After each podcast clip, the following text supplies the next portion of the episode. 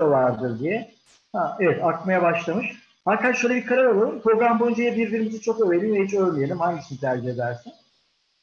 Hocam valla seninle böyle bir aşık atmak çok zor. Yani çok zorda kalırım. Bence övelim. Yani hani çünkü hani ben, ben o zaman gerçekten şöyle özgeçmiş falan vermeyeyim senin ama sen, seninle ilgili bir şeyler anlatayım. Ardından da daha diye girelim konulara. Tamam mı? Key, keyifle. Kötü şeyler anlatmayacaksan sıkıntı yok kardeşim. Hani hukukumuz çok uzun. Hani iyi olanları seçersen makbule geçer. Tamam Tamam. Ben şöyle söyleyeyim. Hakan benim finans konusunda bu ülkede en güvendiğim insanlardan bir tanesi. Çok gönülden söylüyorum. Acayip iyi biliyor bu işleri. Ee, ben şimdi bir vatandaş olarak bir bölümünü söyleyeceğim Hakan. Ondan sonra böyle soruya gireyim istiyorum. Ee, şimdi televizyonlara şöyle bir bakıyoruz hepimiz. İki tane grup var. Bir grup diyor ki battı gitti ekonomi mahvolduk diyor. Diğer grupta diyor ki Almanya bizi kıskanıyor. Kriter de hep Almanya yani Almanlarda bize karşı genel bir kıskançlık var. Hepsi verilere başka yerlerden bakıyor. Ee, iki taraf. Ben siyasetten ne kadar uzak adam olduğunu biliyorum. Hiç ne parti konuştuk bugüne kadar ne bir şey. Ama finans verilerini harbiden iyi okuyan bir adamsın. Bizi dinleyen insanlara nasıl gidiyor ekonomi, neler görüyorsun? Bu korona bilmem ne bir oradan ne olur çat çat bir. Estağfurullah. Çok naziksin. Çok teşekkür ederim. Yani şöyle bakmak lazım. Açıkçası dediğine benzer bir şey. Mesela işte iş hayatında benim 25-26. yılım herhalde yani finans tarafında bir de mühendislik falan var. 30 yıla yaklaştı. Ve e, şunu çok duyduk. Bu kriz öncekilere benzemiyor. İşte ben 30 yıllık esnafım böyle kriz görmedim ama her krizde bu böyle söyleniyor. Tamam mı? Ya dolayısıyla ben diyorum ki abi demek ki kısmi bir hafıza var yani. Sürekli resetleyip tekrar başlıyor olmamız lazım. Çünkü hani bu kriz öncekine benzemiyor çok doğru bir laf. Çünkü hiçbir kriz tam olarak öncekine benzemez zaten. Ve tarihin gelmiş geçmiş en büyük krizi deyince de tarihte öyle birkaç tane var. Hani tamam özellikli bir şey ama e, mesela bizim memlekette ekonomi kötüye gittiği zaman 3 ila 5 çeyrekte artıya geçer. Yani 18 çeyrek eksi gittiğimiz bir ekonomik durum yok. Dolayısıyla iki ucun ortasında bir yerdeyiz aslında. Hani her şey çok kötü, dünyanın en kötü ülkesiyiz falan durumu şöyle çok aklıma yatmaz. Şu anda Türkiye yarım puan, bir puan fazla verse yurt dışından kaynak bulabiliyor. Hani o kadar biz sayıyoruz, sövüyoruz ama işte default etti, yurt dışından borç bulamadı. Böyle bir şey konuşmuyoruz bir taraftan. Ama öbür taraftan da hani bu Almanya bizi kıskanıyor ama işte kaç gündür Alman turist yollasanız Allah'ınızı severseniz şeklinde Almanya'ya başlıyoruz. Dolayısıyla hani Almanya'nın en azından bizi kıskanmıyor olacağı konusunda bir şeyimiz olmamalı. İkisi de abartılı. Ha normal mi? Normal değil. Yani işler çok parlak değil. İşler sıkıntıda. Çünkü başımıza gelen onlarca krizden bir tanesiyle karşı karşıyayız. Sorun ne? Yani bizim açımızdan korkutan kriz şeydir Şerif. Hani benim başıma bir şey geldi. Aynı zamanda Almanların da başına bir şey gelmişse bu bir sorun. Çünkü ben ihracat yapıyorum dediğimde ihracatımın yüzde ellisini AB'ye yapıyorum. Ya da turizm gelirimin üçte biri Avrupa'dan geliyor. Dolayısıyla hani benim sorunum var. Bir de Avrupa'nın sorunu varsa evet o zaman daha büyük bir sorunumuz var. Ortalamanın üzerinde bir sıkıntıyla karşı karşıyayız. Tarihin kötü krizlerinden biriyle karşı karşıyayız ama hani ülke dediğin şeyde işte hep anlatıp duruyoruz. 100 yıllık Cumhuriyet tarihi dön oradan şu kadar yıllık Osmanlı ta Orta Çağ'da bilmem nereden biri geldik falan Orta Asya falan. Dolayısıyla hani dünyanın sonu gelmeyecek, ülkenin sonu gelmeyecek. Bu bir, bizim taraf. Global tarafında çok iyi bilirsin. Çok bizim yaygın bir şeydir. Kapitalizmin sonu geldi. Amerika bu sefer yıkılıyor falan. Bunu da çok duyduk. Hani kapitalizmin sonu gelse yenine ne gelecek bilmiyorum ama hani şu anda öyle bir şey görünmüyor. Dolayısıyla büyük sorunlardan bir tanesi. Harika değiliz, dertlerimiz var ama yani mutlaka bitecek sonuçta. Hatta kehanette bulunsak önümüzdeki yıl bitmeden biz kesin olarak büyümede artıya geçmiş oluruz. Önümüzdeki yıl bitmeden artıya geçmiş oluruz. E o da bu yılın ikinci çeyreğinde başlasak e, kardeşim önümüzdeki yılın ilk çeyreği sonunda filan bence artıya mutlaka geçmiş oluruz diye düşünüyorum. Dolar kaç var ya sonra. Dolar kaç olacak? şey, e, Hakan sen böyle e, büyük şirketlerin e, sahiplerinin oğullarına, onlara böyle yol gösteren eğitimler veriyorsun. Onlara da bir şeyler e, anlatıyorsun. Ne anlatıyorsun? Yani bir şirket yöneten sadece onlara değil. Yani e, bizi takip eden insanlar arasında genç iş kuran insanlar var. Ne önerirsin? Yani sen bir iş kurmuş genç olsan, yani şuna dikkat ederim. İlke olarak buna dikkat ederim. Böyle geliştirir. Ne önerirsin? Özellikle finansal boyutu. Ah, yani şimdi iş kurmak dediğimizde, sıfırdan kurmak dediğimizde işte hani sen de girişimcisin, çok da başarılı bir girişimcisin. Özellikle bir sektörde yani niş bir pazarda bir sürü konuda rakipsiz bir muazzam bir organizasyon yaratmış bir insansın ve sıfırdan başladığını biliyorum. Şimdi hani bugün bunun havalı bir adı oldu 2-3 yıldır böyle. Startup falan deyince olan startup da çok ciddi bir şeydir ha falan ya.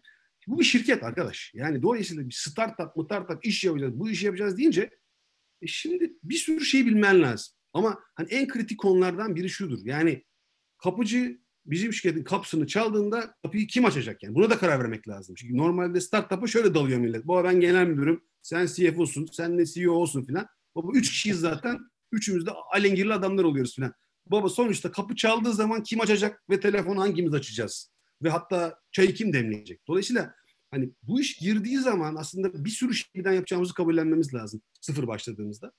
İkincisi hani finans tarafı dediğin gibi benim uzmanlığım diye o taraftan bir şey mutlaka söyleyeceğim ama hani şirket kurmak dediğinde abi o işi biliyor olmak lazım ve o işte farklı ne yapacağını da biliyor olman lazım. Yoksa hani herkesin yaptığı şeyin aynısından yaparsan işte sen Alice Harikalar Diyarı'ndan bir cümleyi böyle hatırlıyorum. ilk kurduğunuz zaman şirkette duvarlarda yazardı. Hani ben az denenmiş yolu seçtim vardı ya.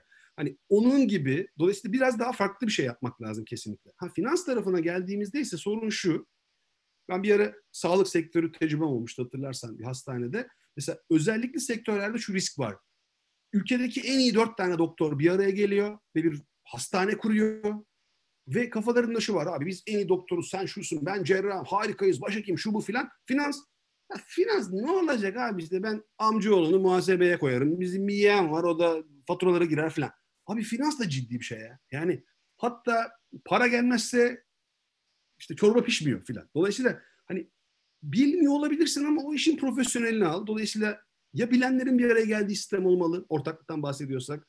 Değilsek de o işi iyi niyetli bir şekilde yapacak ve temel tecrübeye sahip, temel bilgi birikimine sahip insanlarla beraber çalışmak lazım. Bir de burada belki şunu söylemek çok önemli. Çünkü firmadan firmaya çok farklı şeyler söyleyebiliriz ama risk burada çok önemli. Risk çok önemli. Yani neyin riskini aldığınızı biliyor olmak lazım. Oradan buradan 10 lira para topladık, bu işe girdik dediğinizde kaybedebileceğiniz 10 liranın hayatınızı ne kadar değiştireceğini bilerek o işe girmek lazım. Yani risk alacağız ama ölçülebilir risk alacağız. Çünkü finansın en büyük numarası budur. Risk almayın diyemezsin kimseye. Kendi işimi yapıyorum diyen adam risk alır. Buradaki mesele ne kadarlık bir risk alıyorsun? Yani hayatının riskini mi alıyorsun? İlk yaptığın işte hayatının riskini almıyor olman lazım. Yani anlatabiliyor muyum? Hani dolayısıyla o ölçülebilir bir riskle girmek lazım ve profesyonelleri mutlaka devreye sokmak lazım. Biri bu işleri anlamalı, anlayan yoksa da profesyonel biri mutlaka yanımızda olmalı. Diğer işlerden daha önemli değil. Yani üretimden daha önemli değil, finans, pazarlamadan belki daha önemli değil, İK'dan belki daha önemli değil ama önemli. Ve bir de finanstaki, finansçı her kimse oradaki oyun bozandır. Yani oyun bozan kişi finansçıdır. Bunu da kabullenmek lazım. Çünkü satışçı doğası gereği uçar. Baba yaparız, hallederiz, koparız filan der. Oradan birinin abi kopacağız da onun bütçesi nerede filan deyip ayakları yere indirmesi gerekiyor. Yani biraz hafif karamsar, oyun bozar bir arkadaşın ekipte olmasında fayda var. Ee, biz şirketi ilk kurduk. Öyle logoyu özel... Bir baktım bütün eğitim firmaları yabancı isimli. Şimdi biz Türk ismini koyarsak rezil olacağız. Yani sektöre giremeyeceğiz. Bütün DC Garden, Pet Training falan filan. Dedik Türkçe isim koymayalım. Akademi International koyduk firmanın adını. Türk olduğumuz belli olmasın diye de logoyu penguen yaptık. Yani Anadolu'dan bir hayvan seçtik. Kesinlikle Türk değiliz. Yani sonra bir baktık ki bir süre sonra insanlar ne yaptığına bak ya abi. Ve tamam. dedik ki yani e, ben dedim İzgören Akademi işte İzgören Akın olsun. Ekiplikler çok uzun. Benim Arturan dersen a, tamam o zaman dediler. Ve o çok o çok büyük firma Arthur Anderson battı. Biz hala yürütüyoruz ve oraya baktığımda da şirketin böyle slogan bulacağız Robert Frost'tan bir şiir. E, orijinalini de söyleyeyim. Two roads diverge in a wood and I, I took the left traveled one diyor. Ormanda karşıma iki yol çıktı. Ben az kullanılmış olanı seçtim. Bunu yazdırdık Hakan arabalara arabalara. Benzin alıyorum. Benzinci dedi ki abi ayı mayı çıkar dedi. o gün değiştirdik abi. Yani ayı mayı çıkar değiştirdik. Otobandan kopma diyor yani değil mi? Oto, otobandan kopma diyor sana. Yani. Yan yollara girmedi pratik Türk zaten. Pratik Türk yani.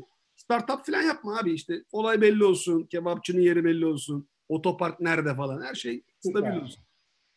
Hakan iki gün önce bir şey oldu. Gene yani siz siyasete girmeden böyle teknik liyakat açısından sen finansı bildiğin için değerlendir. Şimdi ülke şeyi tartışıyor. Ee, güreşçi Hamza Yerlikaya Vakıf Bank Yönetim Kurulu'na atandı. E, espriler dönüyor. Siz vatanı sevmiyorsunuz mu diyenler var, bir şeyler var. Nedir? Yani olur mu, olmaz mı? Nedir? Böyle genel olarak ülkeye de baktığında oraya da baktığında ne görüyorsun? Eh, ya şimdi ama şimdi sen çok yani hain bir soru soruyorsun ya. Siyasete girme diyorsun abi. O, olayın Ben bir çay içip geliyorum Hakan. ben bir, hemen bir çay içiyorum ve yarım saate kadar buradayım. Sen anlat. Hayır çok şey esprisi var. Bu aralar bu aralar soğuktur diyorlar ya ilçemiz için. Öyle bir şey olmasın yani. Bu aralar soğuktur falan gibi soru sorduk kardeşim. Evet, evet. Şimdi, şimdi bak şöyle bakmak lazım. Ben devlette çalıştım. Sen de çalıştın. Yani ikimiz de devlette bulunduk. Şimdi devletin bir farklı bir dinamiği var. Hani bütün devleti tümüyle karalamak ya da ne bileyim omuzlamak çok ikisi de yanlış olur. Hani bir sürü hatası da var ama bizim devletimiz sonuçta. Ama şunu biliyoruz yani devletin mekanizması bizim ticaretteki o rekabetçi yapı gibi çalışmıyor. Ve orada bir sürü kurumla alakalı olarak da ya işte biz Şerif seviyoruz sağ olsun da Şerif'e işte şu ünvanı verdik. Bu ünvanın da kanundaki karşılığı 5 lira. Bizim Şerif'e 55 lira vermemiz lazım. O zaman Şerif bir de şuranın yönetiminde olsun, oranın bilmem nesinde olsun, buranın da şurasında olsun. Üç yerden para gelsin. Çünkü Şerif zaten dışarıda örnek veriyorum 50 lira e, e, kazanan bir adamdı. E, devlet de bu adama bir şekilde 50 lira vermemiz lazım. Yani ben olaydan bağımsız konuşuyorum. Spesifik olarak konuşmuyorum. Şimdi bu yapı devlette çok yaygın. Onun için de böyle yönetim kurulu üyelikleri, oranın bir şeysi, bilmem nerenin özel kalemi, bakan danışmanı, milletvekili bir şeysi falan bir sürü ünvan yaratılır. Temel mantık da aslında hani bir kişiye birdenbire 50 lira para versen kardeşim kim ki bu adam 50 lira verdin denmesin diye 3-5 yerden maaş aktartırız. Şimdi e, kamudaki bir sürü yapı böyle olduğu için hani banka içinde ya bankaya özel kardeşim bu adam bankacılığı biliyor mu filan tartışmasında diğer yönetim kurulu üyelerinde de baktık mı yani bilmiyorum onlar da biliyor mu bankacı mı ki acaba demek lazım. Hani ben biliyorum da spekül etmemek için ortaya söylüyorum. Hani onlar da biliyor mu ki acaba filan. Dolayısıyla bunun e, bu örneği dışına bırakarak şunu söyleyebiliriz. Elbette liyakat önemli. Yani elbette işi bilen adamı oraya götürmek lazım ama birkaç tane sorunumuz var. Yani birincisi işte biliyorsun A partisi B partisi dendiği zaman hükümet aygıt, devlet aygıtını ele geçiren herkes bizden olsun çabasında oluyor. E, ülkede irili ufaklı 10 tane parti var dersek ve ne bileyim bir iki tanesi e, devlet aygıtını ele geçirmişse zaten e, ülke nüfusunun ne bileyim yüzde 30-35 bilemenin 40'ını temsil ediyordur. E, ülkenin yüzde 60'ını dışladığınız zaman da zaten her işe yetecek kadar kalifiye eleman yok ki. Yani memlekette bütün partileri toplasanız her partinin en iyi adamlarının toplamıyla bile zar zor bütün ünvanları hakkıyla doldurabilirsiniz. E, kalkıp da partilerin ikisini dışladığınızda zaten elimizde bizdendir, bizden değildir. Hani bizden olsa yeter gibi kriterler kalmış oluyor. Bu dönem biraz daha abartılmış gibi ama her dönem herhalde sen de biliyorsun biraz böyle şeyler vardı. Ee, yani bu arada adı geçen kurum zaten son derece profesyonel olduğu için yani yönetim kuruluna sen de ben de gelsek zaten yoldan çıkacak bir kurumda değil. Yani onu da söylemek lazım. Ülkenin en köklü bankalarından bahsediyoruz. Evet. Yani onun da altını çizmek lazım. E bir de ben hani o kuruma özellikle konuşmayayım. Bir sürü yönetim kurulu hani üyeliğinde arkadaşlarımdan da biliyorum. Zaten büyük bölümü bir kağıt gelir baba ayda bir gelecek buna imza at derler. Hatta biliyorsun ayak divanı diye bir şey var. Başka ülkede var mı bilmiyorum. Yani yönetim kurulu üyeleri imza atacağı zaman ayak divanı bir araya bile gelmezler. Biri dolaştırır. Ya Şerif Bey bir imza Doğru. var. Taksi atlayıp öbürünün ofisi ona imza attırır falan. Yani bu üyeler birbirini muhtemelen görmüyordur. Anlatabiliyor muyum? Yani işte imza atıldı hoppa cuppa falan diye gidiyordur. Biz de işte biz de buna devlet diyoruz kardeşim. İşin sözü evet. toplamda bu. Yani evet. böyle olmamalı ama böyle çalışıyor bizim memleket. Yani Osmanlı'ya baktığında o başarılı olduğu dönemde inanılmaz bir liyakat var. E, liyakati kaybettikleri andan itibaren şu alıyorlar. E, buraya evet sen devlet sistemini çok iyi anlattın. Hani Amerika ile ilgili vereceğim örnek hani Trump zekasında bir adamı koyuyorsun oraya ama sistem hala işliyor. Çünkü e, sistemi şöyle kurmuşlar. Trump'ın değiştirebileceği toplam 2000 tane adam var devlette ama kesinlikle zaten o 2000'i de değiştirmiyor yani geldiğinde devletin siyasetten bağımsız yürümesini sağlamak acayip önemli bir. Onu yaptığında zaten siyasetçiler daha iyi yönetebilirler. Ama bütün bir sistemi birkaç kişiye dayadığın andan itibaren o zaman işte böyle riskler sallanmalar ama iyi bir ülke, insanı iyi. Gittiğim her yerde onu görüyorum. Liyakatlı Anadolu'da insanlar var üreten. Bu bizi ayakta tutacak şey gibi görünüyor. Biraz siyasetten hep bağımsız bakmak lazım Hakan olabildiğince. Çok haklısın. Yani siyasette bugün tam da bugüne güzel baktığımızda biraz şey gibi görünüyor. Hani Ee, Zaten siyasetçiler daha iyi ah, bu arada bu Ama arada tabii bir dakika Şerif şey dedi ya bana uyardı ya Efkan bizim YouTube'u aç alttan soru soru gelecek falan dedi. Onu onu açtım bir taraftan. Ee, Aa, süper. şöyle kardeşim yani haklısın. Zaten bizdeki siyaset de biliyorsun. Mesela eski hatırla sağ sol falan vardı. Şimdi sol ortanın solu ortanın bir şeysi falan diyorsun. Abi orta neresi? Solu neresi bunun? Tam sağ tarafı neresi? Yani ortada bir şey de yok aslında. Anlatabiliyor muyum? Yani hani bu- bunun en solundaki adamla en sağındaki adamın ne bileyim belediye seçimlerinde e, bir belediye bir mezrayı alma ele geçirmedeki amacı çok yakın aslında. Yani orayı alsak Evet. abi yolun ihalesini şeye versek öbürünü de bizim amca oğluna versek düzeyinde bir şeyden bahsediyoruz. Ve bu partiler geldi geçti bir sürü parti geldi ama memlekette hala aynı vatandaş işte kim hoşuna giden şeyler söylerse ona oy veriyor.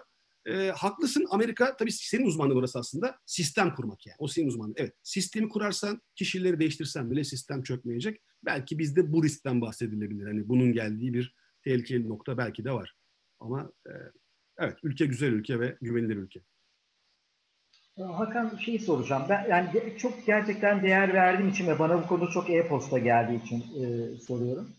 E, yalnız programında yani güya konuk olan sensin o zaman sen yönetiyorsun. Alttan yazılara bakıyorsun. Sen ben rahat son derece falan.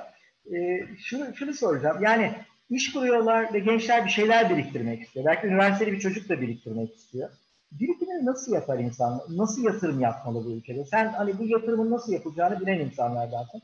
Ya şuna dikkat edin. Yatırımınızı böyle yapın. Nasıl başlayın? Ne anlatabilirsiniz? Ya şimdi bireysel emeklilik tarafındaki böyle eğitimlerde o orada kurumdaki arkadaşlarımızın anlattığı verdiği çok güzel bir örnek vardır. Mesela sorarsın dersin ki işte tasarruf nedir falan dersin ve klasik cevap şudur. İşte ben kazanıyorum 100 lira sonra işte harcıyorum 95 lira işte kalanı tasarruf ediyorum filan der tamam mı?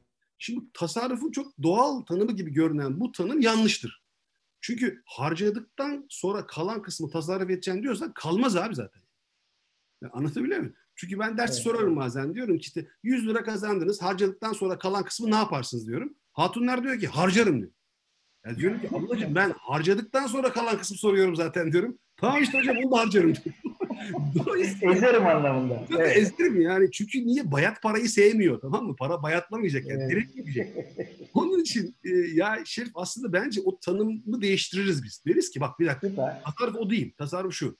Para kazandıktan sonra ben maaşımdan her ay 10 lira biriktireceğim dersin. O o 10 lirayı biriktirdikten sonra kalan kısmı harcarsın. Çünkü harcadıktan sonra bir şey kalmaz zaten.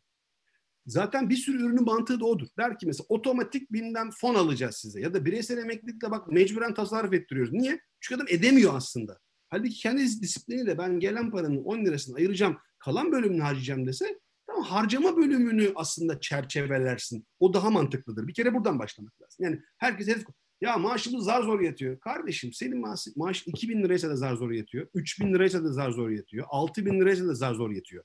Yani maaşın 50 bin liradan sonra zaten abi biraz artıyor falan demeye başlıyorsun. Ya zar zor yetiyor. Okey. Ama hani bir şekilde bir bölümü ayır ve sonra harca. Birinci tavsiyem bu olurdu.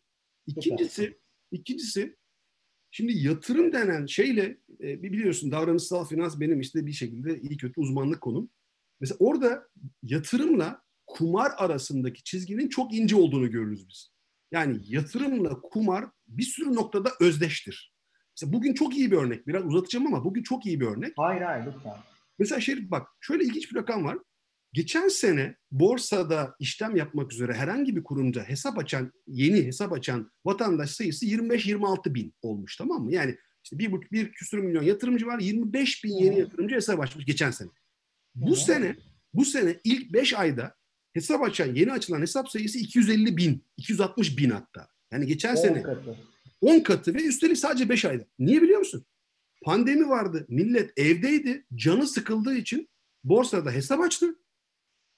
Çünkü bunun çok benzeri nedir?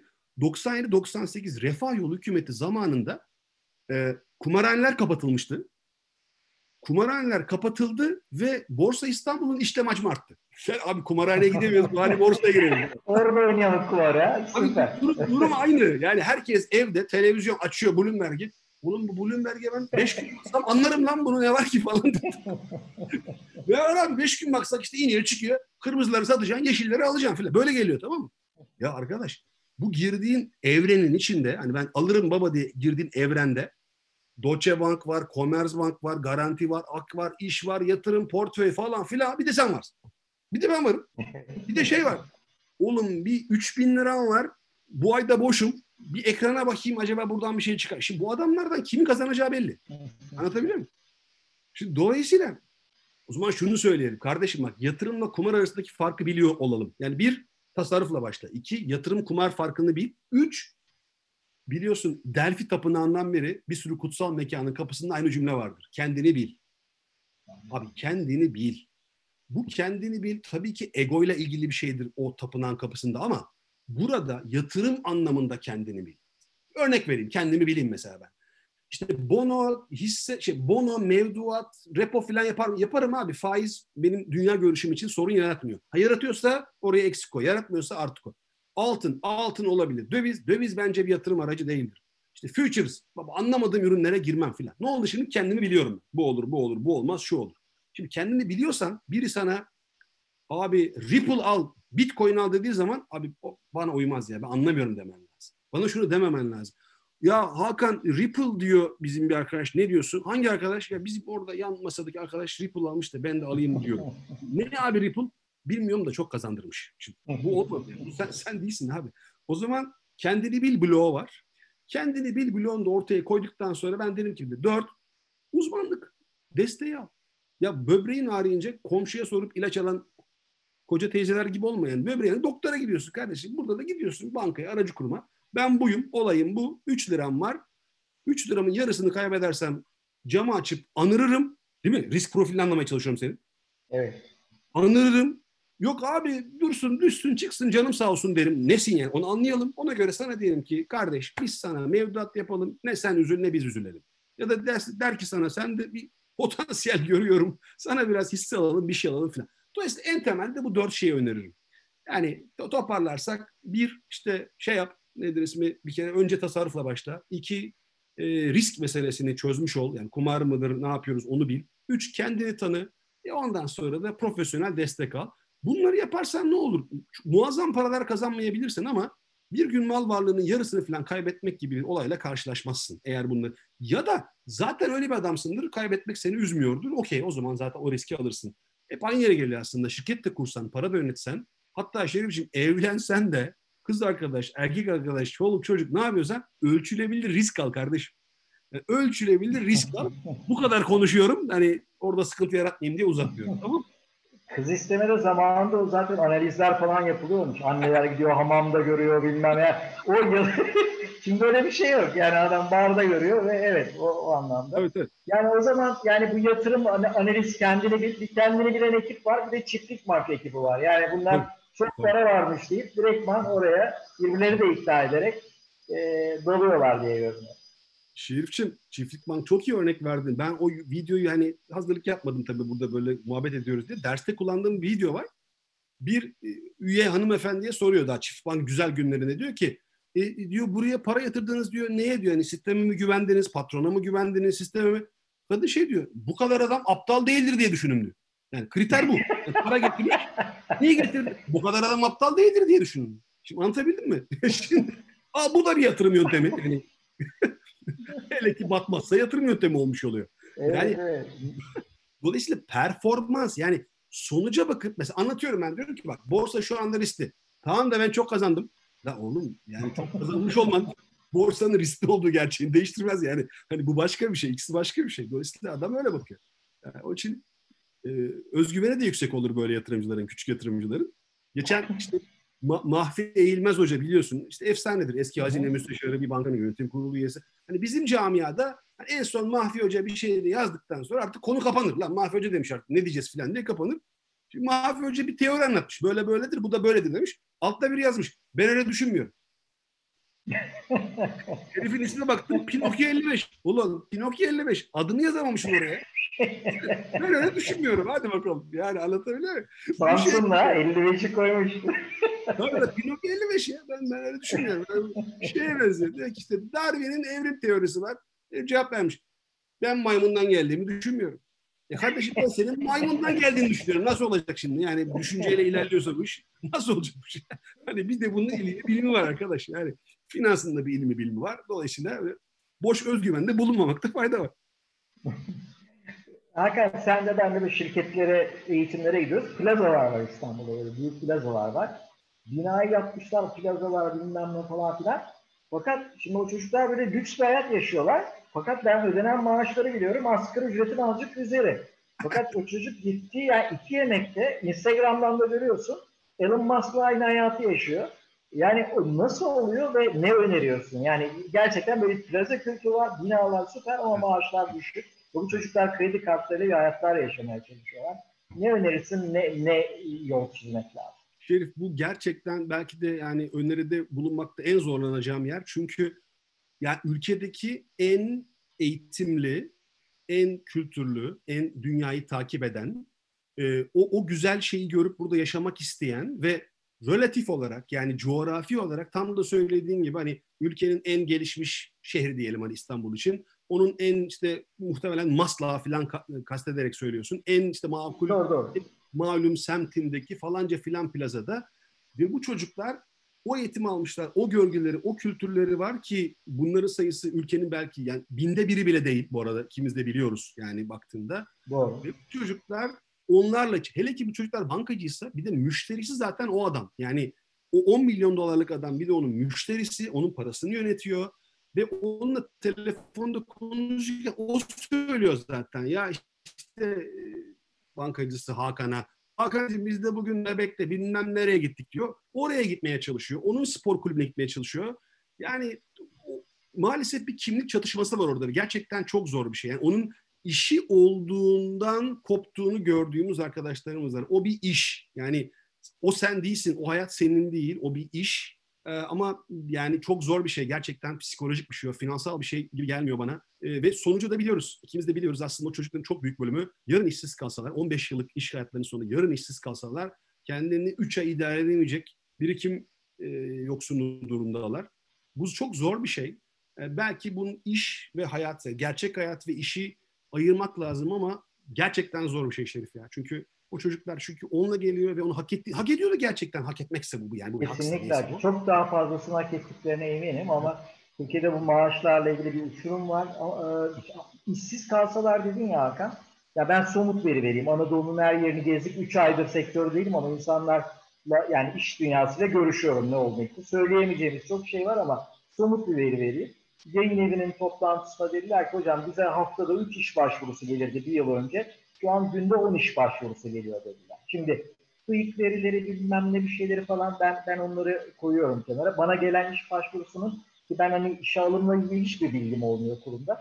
Haddi hesabı yok şu anda. Yani işsiz kalsalar dediğim bölüm bu, e, bu kriz, pandemi üstüne bir şeyler oldu. Eylül Ekim'de bu çocuklarla ilgili işsizliğin daha da artacağı kesin. Var mı aklına gelen bir şeyler? Yani sorun bu eyvah berbatız onu demiyorum ama ne yapmak lazım? Ne yapabilir insanlar e, gibi aklına gelen ne varsa. Ya Şerif aslında burada şöyle de bir sorun var. Şimdi gerçekten böyle artistik bir İngilizce terim kullanmak istemiyorum ama hani şu back to basics var ya temellere dönüş. Yani Aha. şu an öyle bir ana geldi. Düşünsene evdeydik ve tek lazım olan peynir ve süttü. Yani öyle bir güne geldik. Bizim sektör de o durumda Aha. biliyorsun. Yani Doğru. sonuçta eğitim hani yani 6 ay sonra olsa da olur. Dolayısıyla öyle bir noktaya geldik Doğru. ki ülkedeki eğitimli, kaliteli, işte kültürlü ve belki de ülkeyi değiştirebilecek adamlar kısa vadede gereksiz oldular. Yani evet. yanlış anlama sen demiş olmayayım ama ben 6 ay olmasam memlekette bir eksik olmaz yani her şey yürüyebilir ama market olmazsa ya da kargocu çocuk olmazsa ya da yani fırındaki o ekmeği pişiren arkadaşım olmazsa lastiğin patlayacağı ortaya çıktı. O zaman da herkes temellere dönünce bu ultra kalite yani bu ülkenin çok standart üzerindeki çocuklar aniden kısa dönemli tırnak içinde gereksiz hale düştüler. Mesela Türkiye'nin en büyük bankaları biliyorsun genel müdürlüklerini kapattılar. Şubeler çalıştı ama koskoca plazayı evet. komple kapattılar ve şu anda muhtemelen patron şöyle bakıyor. Abi burayı komple kapattık. İşler aksamadı. Bankayı İşler yürüdü. Yani komple kapattık bütün binayı. Ya acaba bunu yani açmasak mı mesela bu çocukların evden mi çalışsa bunlar? Yani, yani yarısı olmasa da oluyor mu ki acaba filan? Yani anlatabiliyor muyum? Dolayısıyla kısa vadede bir türbülans var ama e, e, o zaman mağara döneminde devam edemeyeceğimize göre bir süre sonra bence en çok bir, bir buçuk yıl içerisinde yine bu çocuklarla bu memleket bir yerden bir yere gelecek. Yani dünyaya karşı bu artistik yapıyorsak mesela teknolojide iyiyiz, bankacılığımız alemin kralı falan diyorsak bu çocuklarla tam tam insan kaynağı ağırlıklı sektörler bunlar aslında bakarsak. Öyle değil mi? Yani teknoloji, yazılım tarafı da öyle. Hizmetler tarafı öyle aslında. E, dolayısıyla bu çocuklar mutlaka lazım olacaklar ama idare etmeleri lazım. En azından en azından şunu isterim. Ee, yanlış bilinen atasözleri diye bir şey yapıyorum bazen ben eğitimlerde. Onlardan bir tane şey. Tarih tekerden ibarettir. Efendim tarih tekerden ibaret değildir. Tarih kendisinden sonuç çıkarmayanlar için tekerrürden ibarettir. Dolayısıyla bu krize yakalandığında bu kadar ultra kalif kalifiye adam şunu fark ettiyse, adam ve kadın şunu fark ettiyse, arkadaş işsiz kaldık, paramız yok, evde 93 tane ayakkabım var ama param yok. Galiba yanlış yapmışım. Yani bunu fark etmiş olması bile bizim için yeterli. Bir sonraki krize 93 ayakkabıyla evet. değil 33 ayakkabı ve 10 bin lirayla girerse en azından onu atlatacağını bilmesinde fayda var. Yani en azından sonu çıkaralım bir. İkincisi kesin olarak şu anda ultra kalifiye olmanız bile işsizlik sürecinin uzaması durumunda yeteneklerinizi kaybedeceksiniz. Bu dünyanın her yerinde böyle. Yani o, o harika özelliklerini insanlar kaybedecekler. Onu kaybetmemeliler. Yani onun üzerine oynamalılar. Şu anda dünyanın e, en müthiş üniversiteleri, kurslara falan dahil hepsi ücretsiz eğitimler veriyor online olarak. Yani o eksikleri kapatalım. Herkesin eksiği, hepimizin eksiği var. Onu kapatabilme ortamı var. Hani kriz fırsat mıdır? Ya kriz fırsat falan tam da değildir ama hani madem başa bu geldi ne yapabilirim diye bakmaları lazım. O eksikleri kapatmaları lazım. Çünkü şu anda eğitimin en ucuz olduğu yer. Kardeşim işte sen iyi örneksin ya. Ya biz seni bulamıyoruz ya. Ben seni aylardır göremedim. İşte buradasın. Anlatabiliyor muyum? Yani sen buradasın. Demin Mahfi Hoca dedik ya. Mahfi Hoca'dan randevu alamazsın kardeşim. Adam gidip orada haftada bir kere yazı yazıyor. Git adam oku işte. Yani her şey şu anda e, available, erişilebilir, ücretsiz. Hani bundan faydalanmalarını önerebilirim. Ee, okuma, yazma, çizme tarafı mutlaka olabilir. Ama en mühim olan şey bence ders çıkarmak. Yani buradaki eğer bir hata idiyse bu, yani demin verdiğin örnek gibi kardeşim sen bu maaşla demek ki Etiler'deki o spor kulübüne üye olmayacaktın.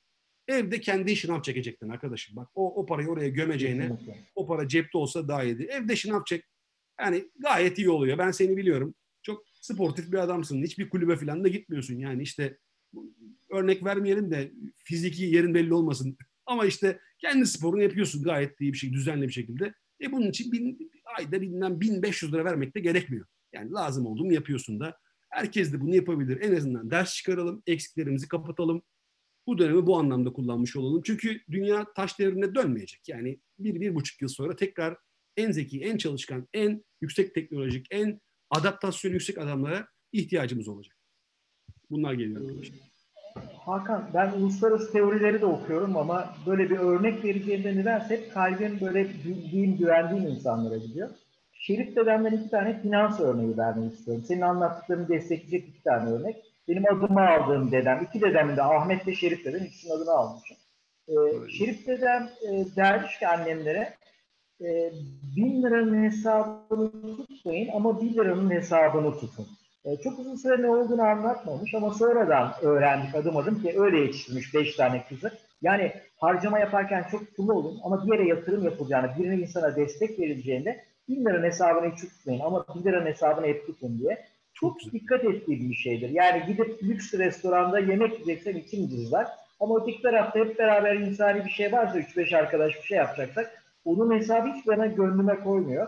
Memur çocuğuyuz biz. Ben bu yaşımda hala taksiye binerken içim cızar. Gözüm hep taksimetrede olur. Ben niye taksiyle gidiyorum bir yere diye. Çok az binerim. Koca bir proje aldık. GAB idaresinin projesi inanılmaz bir anlaşma imzaladık. Tunalı'da yerleri hatırlarsın işte GAP idaresinin bir yeri vardı yukarıda bir yerde. İş yeri Bulvar Palas'ta bizim. E, ben şimdi taksiye binsem e, kardan bizim bütün ekip prim alıyor. O para kardan gidecek ve primleri düşecek. Abi o büyük projeyi alıp aşağı kadar yürüdüm ben o gün. Yani ilk defa anlatıyorum ama öyle öğrendik. Ee, ikincisi de Hasan Akdemir, e, burada Ahmet Akdemir vardı, işte İzmir, Ege yöresinde herkesin bildiği iş adamları. Dedemin çırağıymış, ona hep şey dermiş. Kütüğü koydun mu? Ya bir yere bir şey mi koymam gerekiyor? Arada bir şey oluyor, kütüğü koydun mu? Sonra aradan bir yıl, iki yıl geçince çok da korkuyorlar dededen. Böyle otoriter bir adam. artık demiş ki çıraklıktan bir üstte kalfa olunca e, demiş ki Şerif Usta bu kütüğü, kütüğü koydun mu ne? Oğlum demiş bak dereden böyle yapraklar akar gider. Oturmuşlar çaylarını koymuşlar. Sen oraya bir tane küçük yerleştirirsen yavaş yavaş yapraklar toplanmaya başlar. Maaşından bir şey ayır, koy buraya. Sonra onu yavaş yavaş toparlarsın. Dedi ki Ahmet Akdemir bizim babamız böyle adım adım. Yani o söz e, aman deyip geçirirsin ama o sözü ya ilke yapmak çok önemli. Şimdi Filiki kitabı çıkıyor. Ee, yani o kitabı okuyup da e, yorumlar var Instagram'da oku inanamazsın. Özelden yazmış birisi. Ben şu durumdaydım işte o kitabı okudum hayatım böyle değişti. Ay, kitap bir başkası dedi okudum boş yapmışım diyor. Ya kitap aynı kitap. Kitap aynı kitap. Sonra bir bakıyorsun ki yani şu anda da bizi izliyor birisi not tutuyor aa diyor ben bunu yapayım. Öteki diyor ki ya ben hepsini biliyorum katılmıyorum diyor. Yani, katılmıyorum diyor. Yani oysa ben, ben, ben not olarak dinliyorum. Yani ne, ne alırım, ne öğrenirim. Yani bunun peşinde olmak çok önemli diyorum gibi geliyor bana Hakan. Çünkü tutkuyla insanı ayakta tutan şey o. Öteki tarafta ben oldum. Ee, bir de bir siyasi kalıba sağ sol girdiysen öğreneceğin bir şey biri senin için düşünüyor zaten. Yani o ne diyorsa o, o doğru. Yani analiz yapan, evet. sorgulayan insanlara bakıyorsun işe inanılmaz bir şeyler katıyorlar. Ötekinin katacağı bir şey yok. Yani öyle gidiyor. Hakan senin kitapların isimlerini bir saysana. Ya Şerif e, zor soruyorsun yine ben zor sayarım. Ee, bir kere şöyle Abi başlayayım. benimki şu ortamlı dünyada fil yalnız bir hayvandır. Seninkiler daha kolay. ya bir kere madem buradan geldi şunu bir kere söyleyeyim. Benim Öyle. kitap yazmamın e, ne diyeyim motivatörü sensin. Yani bunu burada da ben de ilk defa söylemiş olayım. Sen ilk defa söylemişler. Bu arada ben kendi yorum yapmadan önce dedenle ilgili, iki dedenle ilgili de şunu söyleyeyim. Ya o müthiş şu arkamdaki şuradakiler falan finans ve portföy yönetimi kitapları. Bu kadar iyi yorumlar orada yok emin ol. Gerçekten bu iş yani çok müthiş laflar bunlar. Çünkü eğer sen böyle devlet ihalesinden bilmem neden falan parayı vurdum karadan maradan acayip bir para vurursan zaten bol bol harcarsın. Öbür türlü o kadar büyük paranın evet. tek yolu tırnaklarınla kazanmak. Tırnaklarıyla kazananlar da zaten onu e, saçma sapan har vurup parmağı savunmazlar. Dolayısıyla çok güzel bir e, çok güzel iki yorum. Unutmayacağım bunları. Kardeşim kitaplarla ilgili zaten sen ayak oldun. Ya sen bunu kitabını yazsana dedim bana. Abi ben ders anlatabiliyorum dedim. Ya işte anlattığını yazacaksın kardeş bir şey yok demiştin. Senin sayende başlamıştık. Finansçı olmayanlar için finans da hatırlarsan sen yönlendirdin onda. O dersi kitap haline çevirin demiştin. O çok şükür ülkedeki en çok satan finans kitaplarından biri. Yani satan derken sen benden daha iyi biliyorsun. Konu parasal değil. Yani birbirimizi sevelim. Aşk çok güzeldir. Konulu kitaplar zaten satıyor. Hani bir finans kitabının evet. çok satması çok çok önemli bir şey. Çok az sayıda finans kitabı çok satıyor. Ondan sonra e, ben tezimi yazdım davranışsal finansla ilgili. Yazınca bu sefer içinde bu olan yani davranışsal finans olan bir kitap e, yazalım dedik. Davranışsal finans oldu. E, sonra piyasaları okumak hani geyik işte dolar ne olacak buradan dolar alınır mı? Onun üstünde bir tane piyasaları okumak diye bir kitap yazdık. Üç tane böyle. Fakat en sonunda dolar kaç olacak söyleyeceğiz değil mi okurla dinleyicilerimize? En son dolar kaç olacak söyleyeceğiz en sonda. Tabii bir şey az, az sonra deyip devam edeceğiz. Sonra gak guk deyip düt düt falan kapatıp kaçacağız yani. Taktik bu. Ben böyle düşünmüştüm. Bilmiyorum seni. Başka bir Üç vardı. Dört de finansal krizler vardı. Finansal krizler tarihi. Yani kriz geliyorum, e, kriz geliyorum der başlığı altında. Aslında krizler nasıl okunur, bir kriz nasıl oluşur, oradan nereye varız gibi dört tane kitap. Onun dışında da böyle e, sınavlara dönük finans test kitapları falan var ama dört tane omurga kitap var aslında. Hepsi de gururla Elma yayın evinden çıkan kitaplar. Dolayısıyla e, o öyle. E, dolar ne olur konusunda pardon. Hakan şeyi söyleyeceğim. Mesela finansçı olmayanlar için finans iş hayatına giren herkesin mutlaka bir okuması gereken kitap. Çünkü işin bütün temelini çat çat hiçbir şey saklamadan yani e, hiç saklamadan anlatmışsın. E, Üzeyir Gari ile İsa Kalatan'la tanışma şansım oldu. Ve ikisiyle de aynı kongrelerde konuşma şansım, yemek yeme şansım oldu. Üzeyir Gari dedi ki Dünya Gazetesi'ne ben köşe yazısı yazdım. Şirketin bütün dedi gizli bilgileri bilmem ne onları da verdim dedi köşe yazısında. Pazartesi işe geldim. İsa'nın böyle surat dedi böyle dedi acayip morayı bozuk. Demiş ki Üzeyir'e ya demiş Üzeyir Gari'ye Üzeyir demiş niye yazdın bunları gazetede? Bedavadır demiş. Kimse okumaz. Rahat ol demiş. Yani doğru, şirketin bütün sınırları. Yani bedavadır kimse okumaz. Ama desen ki ya şöyle parası var, böyle parası var. Yani bu dört kitap banttan yayınlanırken ben iki tane rica ederim. Burada resimleri de çıkar kitapların. Gerçekten okunması gereken kitap ama sen yazmalısın. Çünkü finans hayatı de iyi bağlıyorsun. Yani o teorik bilmemleri insanlar grafikleri bir şeyleri görmek istemiyorlar. Çok somut nokta atışı e, kendi alanlarıyla kullanılabilir bilgi istiyorlar. Cidden öyle anlatıyorsun. O, e, o iyi bir şey diye. Yani çok naziksin ama ben yani teşekkür ederim ama şunu da söylemek isterim. Abi insan seni kendisini senin yanında zaten iyi hissediyor. Anlatabiliyor muyum? Dolayısıyla senin güzel yorumlarınla da e, ben kendimi iyi hissettim ve beni motive sen ettin zaten yaz çiz diye. Ondan sonra da zaman içinde zaten hani biliyorsun bir şey hazırlığı yaparken bir şey bir şey öğreniyoruz. Öğrenince de zaten paylaşalım diyerek bir kitap haline gelmeye çalışıyor. Yani insanlar abi kitap okusun insanlar ya. Yani gerçekten o kitabı bu kitabı neyse artık demin gırgırını yaptığımız aşk romanı okusun, beyaz dizi okusun, ne okursa okusun yeter ki bir şeyler okusun. Çünkü hakikaten hepimizin aklında 3-5 bir şey kalıyor. O kalanlarla da farklılaşıyoruz. Zaten farklılaşmanın başka bir yolu da herhalde yok. O benim boş günüm zaten. Ben rehberi açtım. Rehberde kim varsa aradım. Kapıcı dahil. Oğlum dedim kitap yaz, sen de kitap yaz. Bir sen gaza geldin yani. O diğerleri yazamayız abi de bilmiyoruz dediler. Sen hiç bilmiyorum demedin. Yani kendini bil diye bir şey var Hakan. Yani bunu sen direkt yazarım abi falan dedin. Yani bu, bu şey Hallederiz abi. Hallederiz abi. Bir el at falan. Hakan yatırımlarda e, şey farkı oluyor mu? Bekar, kadın, erkek, evli. Yatırım yaparken ne farklı oluyor bunların adına? Abi olmaz mı? Olmaz mı? Bak şöyle düşün olayı kardeşim.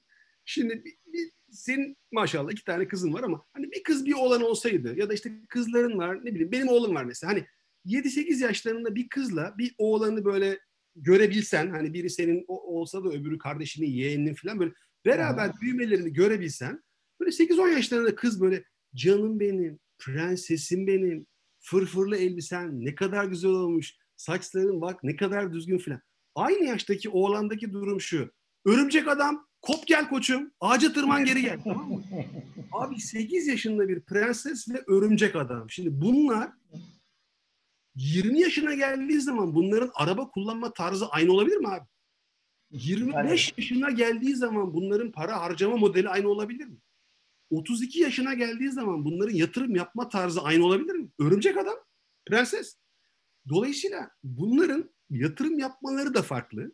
Ve elimizde mesela e, cinsiyetin risk alma iştahı üzerindeki etkisiyle ilgili onlarca çalışma var. Ve çalışma sonucunu söylememe bile gerek yok. Tahmin ettiğin yönde. Yani erkekler... Erkekler manyak. Erkekler manyak öyle demiyorlar. Overconfidence. Aşırı kendine güven yani. Manyak manyak. Evet, halimiz yok. Overconfidence tamam mı? Şimdi mesela diyor ki evli, bekar, risk alma iştahı fark ediyor. Kadın erkek fark ediyor. Yaşa göre fark ediyor ve hani bu kadar bilimsel makale kimse okumasın tam tahmin ettiğiniz yönde fark, fark ediyor. Yani evlendikçe risk alma iştahı düşüyor. İşte çocuğu varsa risk, al, risk alma iştahı düşüyor falan. Belki ilginç olacak şu olabilir. E, eğitim seviyesi arttıkça e, işlem hacmi azalıyor. Yani daha düşük eğitimler daha böyle alsat aldık oradan aldık üstten verdik geri aldık filan. Eğitim seviyesi arttıkça biraz daha az sayıda işlem yaparak biraz daha beklemeye başlıyorlar. Ama kesin olarak şeyler etkili. Yani e, demografik özellikler diyelim istersen son derece etkili ve bir Türk hikayesi değil bu. Yani bu davranışsal finans hani ben benim kullanım ama hani bu işte Nobel alan adamlardan biri Amerikalı öbürü İsrail e, kökenli Amerikalı. İkisi de aynı sonucu bulmuş. Yani İsrail'de aynı sonuç, Amerika'da aynı sonuç, Türkiye'de aynı sonuç, Almanya'da aynı sonuç. Kültürel 3-5 minik fark var ama onun dışında riskle ilgili ya da hızlı karar vermeyle ilgili tamamen demografik bir sürü yani full demografiye bağlamayalım tabii ama çok fazla özellik var. Ee, Zaten kardeşim bu yatırım tarafını sordun sen. Harcama da sen de aynısını soracaktım ama sen akıllı adamsın. Risk almamak için harcama ile ilgili olan bölümü sormadın tabii. Çünkü orada cins... Anlat. Tabii yani. risk Madem anlatmak istiyorsun anlat Hakan. Tebrik ederim. Tebrik ederim. Tebrik ederim. Orası da aynı yani. Harcama tarafı da aynı. Evet.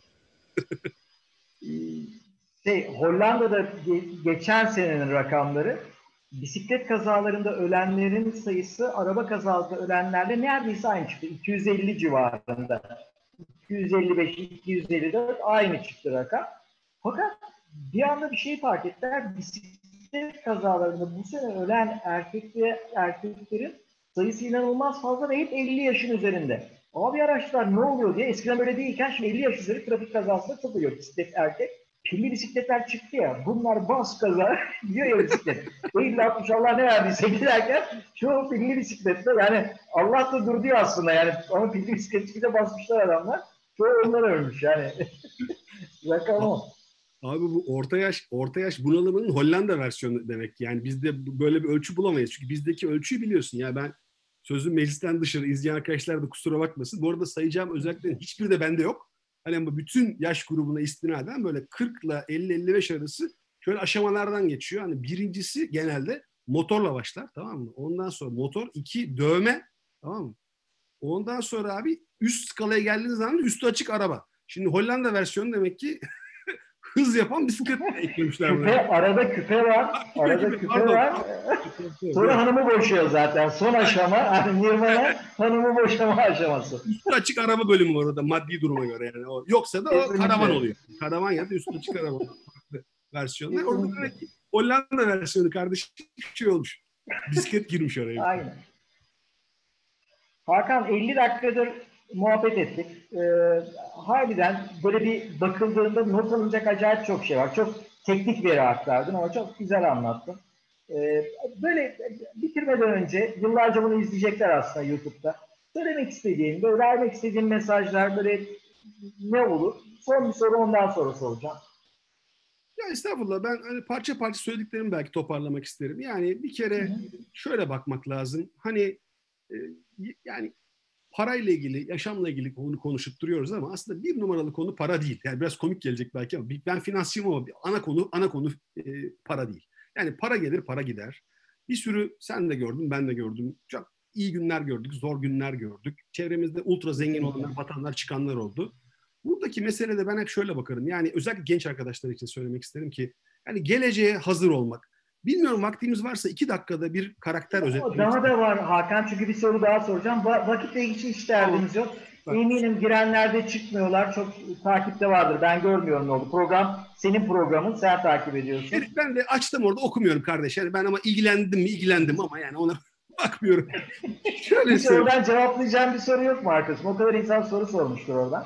Kardeş güzel de beceremiyorum. Yani hem erkenden gir diyorsun bana. Hem YouTube'u takip et diyorsun. Hem soru soracağım diyorsun. Evet. Yani nasıl yapalım arkadaş ya? Bir şey... Şeyi sorma abi. Şerif hocamın kafasının üzerindeki beyaz fare nedir? Melek mi? Melaike mi falan sorusu Cebrail mi Azrail mi şeklinde. Kardeşim valla bana selam söyleyen var. Sana selam söyleyen var. Ondan sonra... Mahve İlmez'e selam söyleyen vardı. Var var. Değişkillerden... Pinokyo 55 girmiş mi? Pinokyo 55 baktım. Yok abi Pinokyo 55 hiç sıkıntı yok. Dolayısıyla yani bence bence ekonomi öyle söyleyeyim. Öyle düşünüyorum. Kesinlikle. Net. Söyle Hakan'ım. Ee, abi şunu söylüyordum. Yani bu para mara falan okey ama Şimdi benim bir yıllar önce bir iş yerinden bir arkadaşımız. Şimdi bir iş yapıyoruz. Ana, iş çok spesifik anlatmayayım. Çok çünkü küçük bir kurumda herkes herkes tanırdı. Onun için orada örnek vermeyeyim. Yani bir yerde bir iş yapıyoruz. Genç bir arkadaşımız var. Adamın işi gayet stabil. Diyorlar ki kardeşim sen bu ekrana bakacaksın. Buradan bunu yap. Finansla ilgili bir iş. Şunu şöyle yapacaksın, böyle yapacaksın. Şimdi hala olur ya bazen bir bayram seyren olur. Mesela o hafta kısa olur. Cumartesi, pazar. Herkes o kalan iki gün izin alıp hani dokuz gün kaytarmaya çalışır doğal olarak. Hani iki gün izin alsın. Köprü yapıyorlar. Ama o iki günde birinin kalması lazım finansal kurumlarda. Merkez Bankası açık olunca bütün bankalar falan açık kalıyor. Birinde kalması lazım. Şimdi ben kim kalsın diye müdür atama yapacak. Bu genç el kaldırır. Ben kalabilir miyim diye. Oh be kardeşim deriz ya Allah razı olsun. Sen kalk koşun biz kaçtık filan. İşte başka bir şey olur ben kalabilir miyim? İşte bilirsiniz eskiden Ankara'ya böyle anormal kar yağardı. Sağlam kar yağardı. Abi elektronik veriler geliyor. Böyle Bloomberg datası o zamanlar yok. Yani Reuters e, çanaktan geliyor. Çanağın içine de kar yağınca cızırtılar geliyor, veriler görünmüyor. Apartman görevlisi dama çıkıp çanaktan kar temizlemesi lazım tamam Şimdi arıyoruz apartman görevlisini. Bizim oran diyor ki abi ne olacak? Oğlum diyorum üst kata çıkacak da abi ben gidebilir miyim diyor. Lan oğlum düşersin müşersin için dama niye çıkıyorsun falan. mi çık, çık lan Allah ama dikkatli çık falan diyoruz. İşte bir tane uzattı mı bir tane şube açılacak. Müdür diyor ki ya çocuklar birinin gidip durması lazım. Çünkü ustalar mustalar gelecek. Oğlum kablo buradan geçecek işte hat şuradan kaçacak. Başında durmazsan usta kafaya göre yapar. Birinin durması lazım. Lan şimdi boya moya. O diyor ki ben kalırım. Tamam. Akşam işte borsayla işimiz var. Bir yazı gelecek. Yazı geç gelirse e, birini beklemesi lazım. İşte ben beklerim falan ama bu beklerim, kalırım, malırım işleri esnasında şu durumda çocuk. Herkes gitmiş şube bomboş. Gelen bütün yabancı rap o zamanlar rapor mapor e-mail falan yok abi bayağı The Economist dergisi çok pahalı bir dergi. Kurum abone olmuş okuyacak vaktimiz yok. Bu akşam boş kalıyor dergileri okuyor. Çanağa çıkıyor çanağın neresinin iletken olduğunu görüyor. Birinin bilgisayarı bozuluyor. IT arayacaklar. Baba ben bir baksam yapamazsam IT'yi arasak diyor filan. Çocuk abi birinci yılın sonunda bilgisayarı böyle takıp çökecek kadar bir noktaya gelmiş. Çanağı temizleyebiliyor. Her raporu biliyor. Ufaktan müşteriler böyle 8-10 yıllık bana gelmiyor ona gitmeye başladı. Abi fiyasa ne olur falan diye. Çünkü olan her şeyi okuyor filan. Neyse bir gün abi ben hiç unutmuyorum The, The Economist okuyorum abi. İngiliz The Economist dergisi. Yani bugün de kıymetli ama o zaman ekstra kıymetli bir dergi. Başka yabancı dergi gelmiyor memlekete. Abi dergide iki sayfa iş ilanı olur. Çünkü uluslararası yayın iki tane iş ilanı zaten bir Londra bir Melbourne falan böyle hani laf olsun diye bakıyoruz. Gidecek durumumuz yok da. Abi bir tane ilan. Diyor ki Ha bu arada bu arada pardon e, Bilkent'te okuyor. İngilizce biliyor zaten. Bir gün geldi bana dedi ki abi dedi ben dedi yabancı bir dil daha öğreneceğim. İşte unuttum şimdi İtalyanca. İtalyanca mı öğreneyim Japonca mı dedi tamam mı? Yok abi demek ki Almanca ve Japonca. Ben dedim ki oğlum Japonca öğren. Niye abi dedim lan dedim Almanca. Zaten öğrenirsin yani merak etsen işte bir kursa gidersin falan. Japonca fırsatım var. Nerede Japonca kursu bulacağız falan. Abi çocuk bir de Japonca öğreniyor tamam mı? Abi akşamüstü çayımızı aldık. Açtım yazı. Uluslararası bir yatırım bankasının Güneydoğu Asya Pasifik'te yeni açılacak şubesi için gelişmekte olan ülke vatandaşı olan, böyle bir piyasada bir yıl tecrübesi olan, sıfır şube açma tecrübesi olan, tercihan İngilizce ve tercihan bölge dillerinden birini bilen eleman aranmaktadır. Dedim ki kardeş seni izleyen dese direkt Dedim ki oğlum seni arıyorlar. Herif dedi ki nasıl beni arıyorlar abi? Oğlum dedim seni arıyorlar. Baktı. Abi dedi ben dedi beni ben nasıl gideceğim oraya? Oğlum dedim bak bu profile uyan dünyada 30 kişi vardır. Bunun zaten 28'inin acayip iyi bir işi vardır. İki tane senin gibi böyle şey vardır. Kıymeti bilinmeyen adam vardır. Süper. Abi herif başvurdu. Aradaki bölümlere geçeyim. Fıkra gibi bir olay ve herif abi oraya gideceği öğrenince bizim genel müdürlük dedi ki ulan böyle kıymetli bir adam varmış bizde. E bak çocuk çömez ha. Biz New York'ta şube açacaktık. New York'a bunu yollayalım mı dedi. Abi şirketteki en kemez adam millet Ankara'dan İstanbul'a tayinini yaptıramıyor. Herif baba New York şubeyi açmaya gitti tamam mı? Çünkü kurum açısından bak çok düşük maliyetli. Hem Türk hem İngilizce biliyor. Git şube aç desen usta bulur, boyacı bulur, badanın nereden geçeceğini bilir falan. Şimdi bu ne abi? Bu tabii ki tesadüf ama ona hazır olmak abi. Yani ona hazırsındır. Fırsat çıkmayabilir. Çıkmayabilir fırsat. Ama çıktığı gün abi o kadar şeyi toparlayamazsın. O kadar CV'yi toparlayamazsın. Yani hayata hazır olmak bir numara kardeşim. Ondan sonra para gelir, para gider. O şans doğamayabilir ama doğduğu gün hazır olmanız lazım. O da finansla başlamıyor belli ki. Kendini yetiştirmekle başlıyor. Ondan sonra ya finansla bil ama ne bileyim abi bence şey de bil. Ben oğlum hep söylüyorum bak diyorum oğlum bir numara öğrenmen gereken kimya, matematik, fizik filan değil ya. İlk yardım. Bir numaralı bilmen gereken şey ilk yardım ya. Ondan sonra zaman yönetimi. Ondan sonra ne iş yapacaksan kimya ise kimya, fizikse fizik yani ya da ekonomi ise ekonomi. Dolayısıyla gerçekten kendini yetiştir. Ondan sonra git bunları yap ne yapıyorsan yap. Onlar zaten olur. Tasarruf konusunda dikkat et ama yatırım, tasarruf, harcama tek konu. Kendini bil aslında. Kendini tanı. Devran mutlaka dönecek. Ama yani işte her şeyin en kötü olduğu, her şeyin en iyi olduğu günlere de hazırlık yapamazsın. Ortalamanın biraz altı, biraz üstüne hazırlık yapacaksın. Sen hazır olacaksın. O gün geldiğinde de elinden geleni yapacaksın kardeşim. Böyle düşünüyorum. Hakan ben davet ettiğim bütün dostlarıma şu soruyu soruyordum. Yani 20 yaşındaki Hakan'ı karşına otursan bir 5 dakika ne anlatırsın ona hayatla ilgili diye. Aslında inanılmaz iyi bir giriş yaptın farkında mısın? Yani bunu anlatırsın o günkü Hakan'a. Hakan böyle böyle dersin ve e, dün mesela bizim Acun'dan ben bir şey öğrendim. Çok güzel bir şey öğretti Acun. Halası dermiş ki ona bir şey yapacaksan git bir bilene danış. O yoksa bir düğüne danış. O yoksa git büyük bir taşa danış dermiş. Yani hmm. çocuk dil öğrenecek, geliyor sana soruyor farkında mısın? Yani gidip kafasına göre ya ben şu dili öğreneceğim falan diyelim geliyor sana soruyor. Büyük bir taşa soruyor yani o anlamda. Ve müthiş bir şey. Yani hangi dili öğrenci ama onu sana sorduğu için sen belki de çocuğun Japonca kursu aldığını bilmeyeceksin. Yani sana soruyor ve senin dağını yani benim torpilim yoktu, benim şansım yok. Bu çocuk o sene olmasa ertesi sene, sonra bir sonraki sene emek koyuyor ve hep böyle öğrenmeye açıklık var tamam mı? Ya bize bir bakıyorsun herkes her altı biliyor. Yani e, Kıbrıs'ta bir konferansa gittim. Birisi beden diliyle ilgili bir konferans. Yıllar yıllar, 15 yıl önce belki. Bir soru sordu, elini kaldırdı. Böyle olgun, sağlam bir adam. Derviş Bey, Derviş Baha. Sonradan bir dost oldu. E, hocam dedi bu ellerle ilgili dedi bunun dedi falan filan. Şimdi ben aslında cevabı anlatabileceğim bir cevap, bildiğim bir konu fakat süre çok az kalmış. Ona girersem bu kadar insanın vaktini alacağım. Benim ben bunun cevabını bilmiyorum. Ama dedim en son bir e-posta adresini vereceğim. Lütfen dedim bana bir e-posta atıp ben bunu cevaplayacağım dedim. Konferans bitti çıkıyorum yanıma geldi. Çok olgun, çok efendi bir adam. Uluslararası alanda bulunmuş. Yani ben bir şey söyleyeceğim dedim. Ben dedi bu üniversitede değilim Doğu Akdeniz Üniversitesi'nde ama bütün konferanslara katılırım dedi. İlk defa bir konuşmacının ben bilmiyorum dediğini duydum. Ben de tebrik etmeye geldim size. Yani herkes her altı biliyor. Yani inanılmaz. Ben de bildiğim o kadar kısıtlıdır ki Hakan benim. Cidden yani bildiğin konuda bile dinle birisini yüzde doksanı bilirken adam arada bir şey söyler sana harikalar yaratıyor. Ama yani bütün bütün konu bu gibi geliyor bana. Harika bir örnek. Yani o anlattığın müthiş bir şey. Var mı Hakan, o Hakan'a, 20 yaşındaki Hakan'a, oğlum başlıyorsun hayata. İş hayatı, finans falan demiyorum. Oğlum başlıyorsun hayata. Bak şunu yap, şunu yap, şunu yap. Bir de bunu dikkat et diyeceğin ne olabilir artık? Yani e, herhalde şunlar olurdu. E, birincisi bu benle ilgili bir sorun. Hani karakter sorunu. Başkalarında bu çok daha farklıdır. Bu, bu sorun yoktur belki. Hani bir, bak biraz sende de var bence.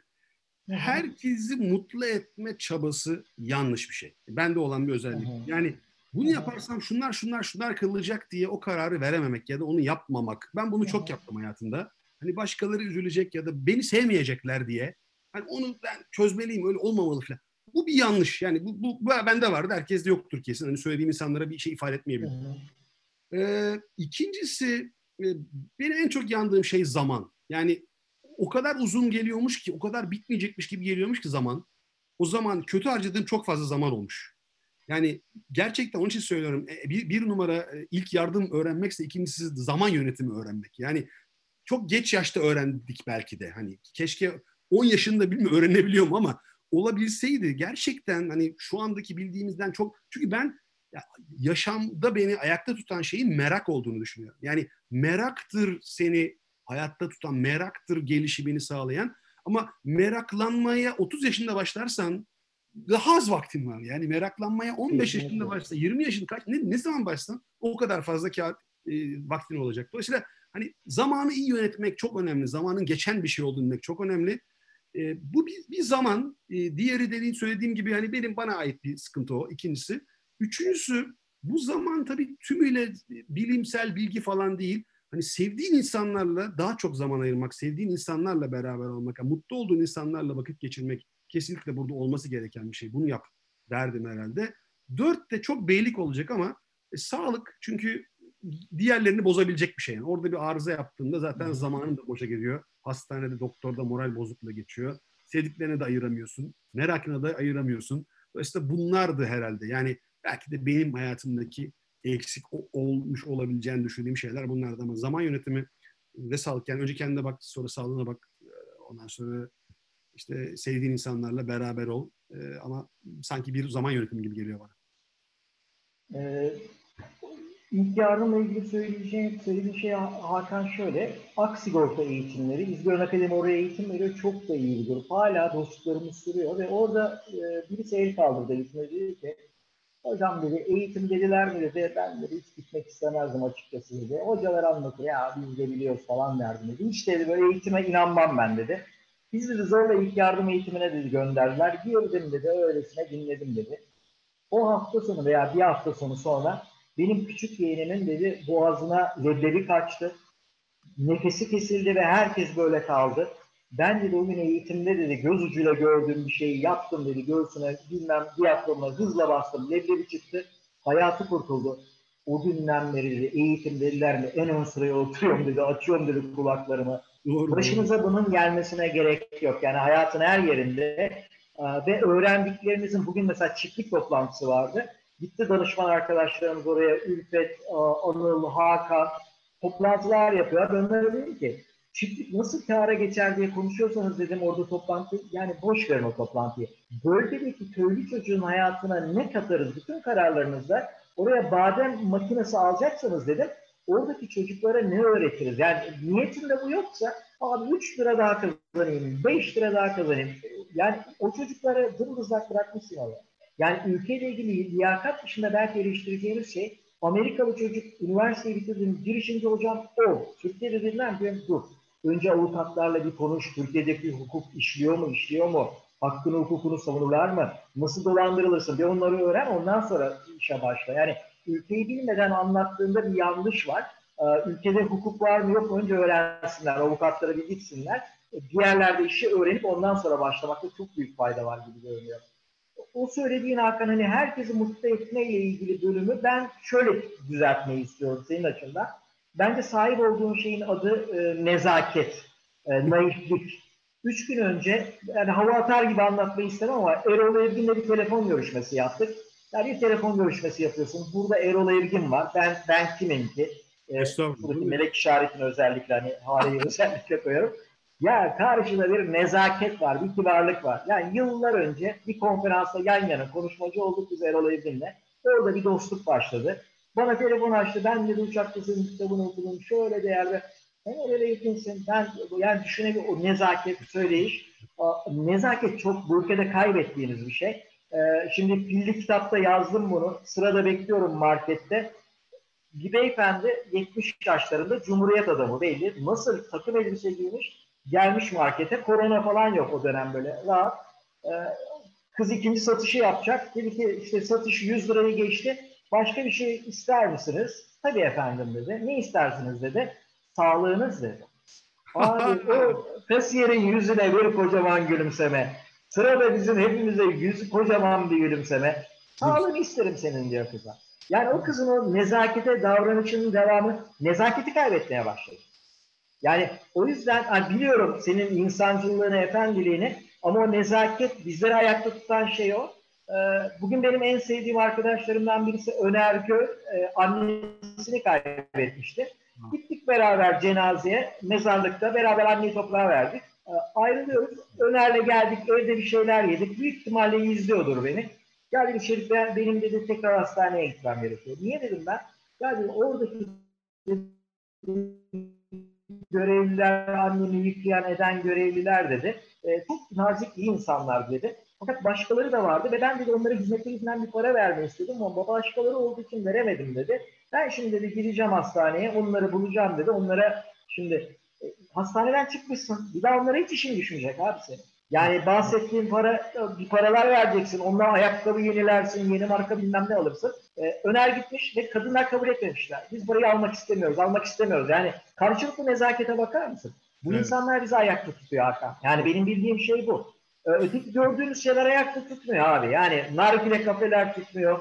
Bağırışan, solcu sağcı adamlar. Yani liyakat, insanlık ve bu çocukların önüne fırsat bırakmamız lazım. Bu ülkeyi terk etmeden üretmemiz lazım. Çok sağlam anlattın şeyler için. Ee, tamam mı kardeşim? Çok naziksin. Ben çok teşekkür ederim. Yani her şeyden bağımsız seni gördüğüm için çok teşekkür ederim. Çok zamandır görememiştim seni çünkü. Çok sağ ol. Çok tamam, naziksin. Sağ ol. Çok keyif aldım ben. Çok sağ ol. Davet ettin beni. Tamam. İnşallah yeterince dinleyici olmuştur ama yıllarca seyredilecek bir yayın olacak. Ee, Aslan kardeşim. Tamam mı?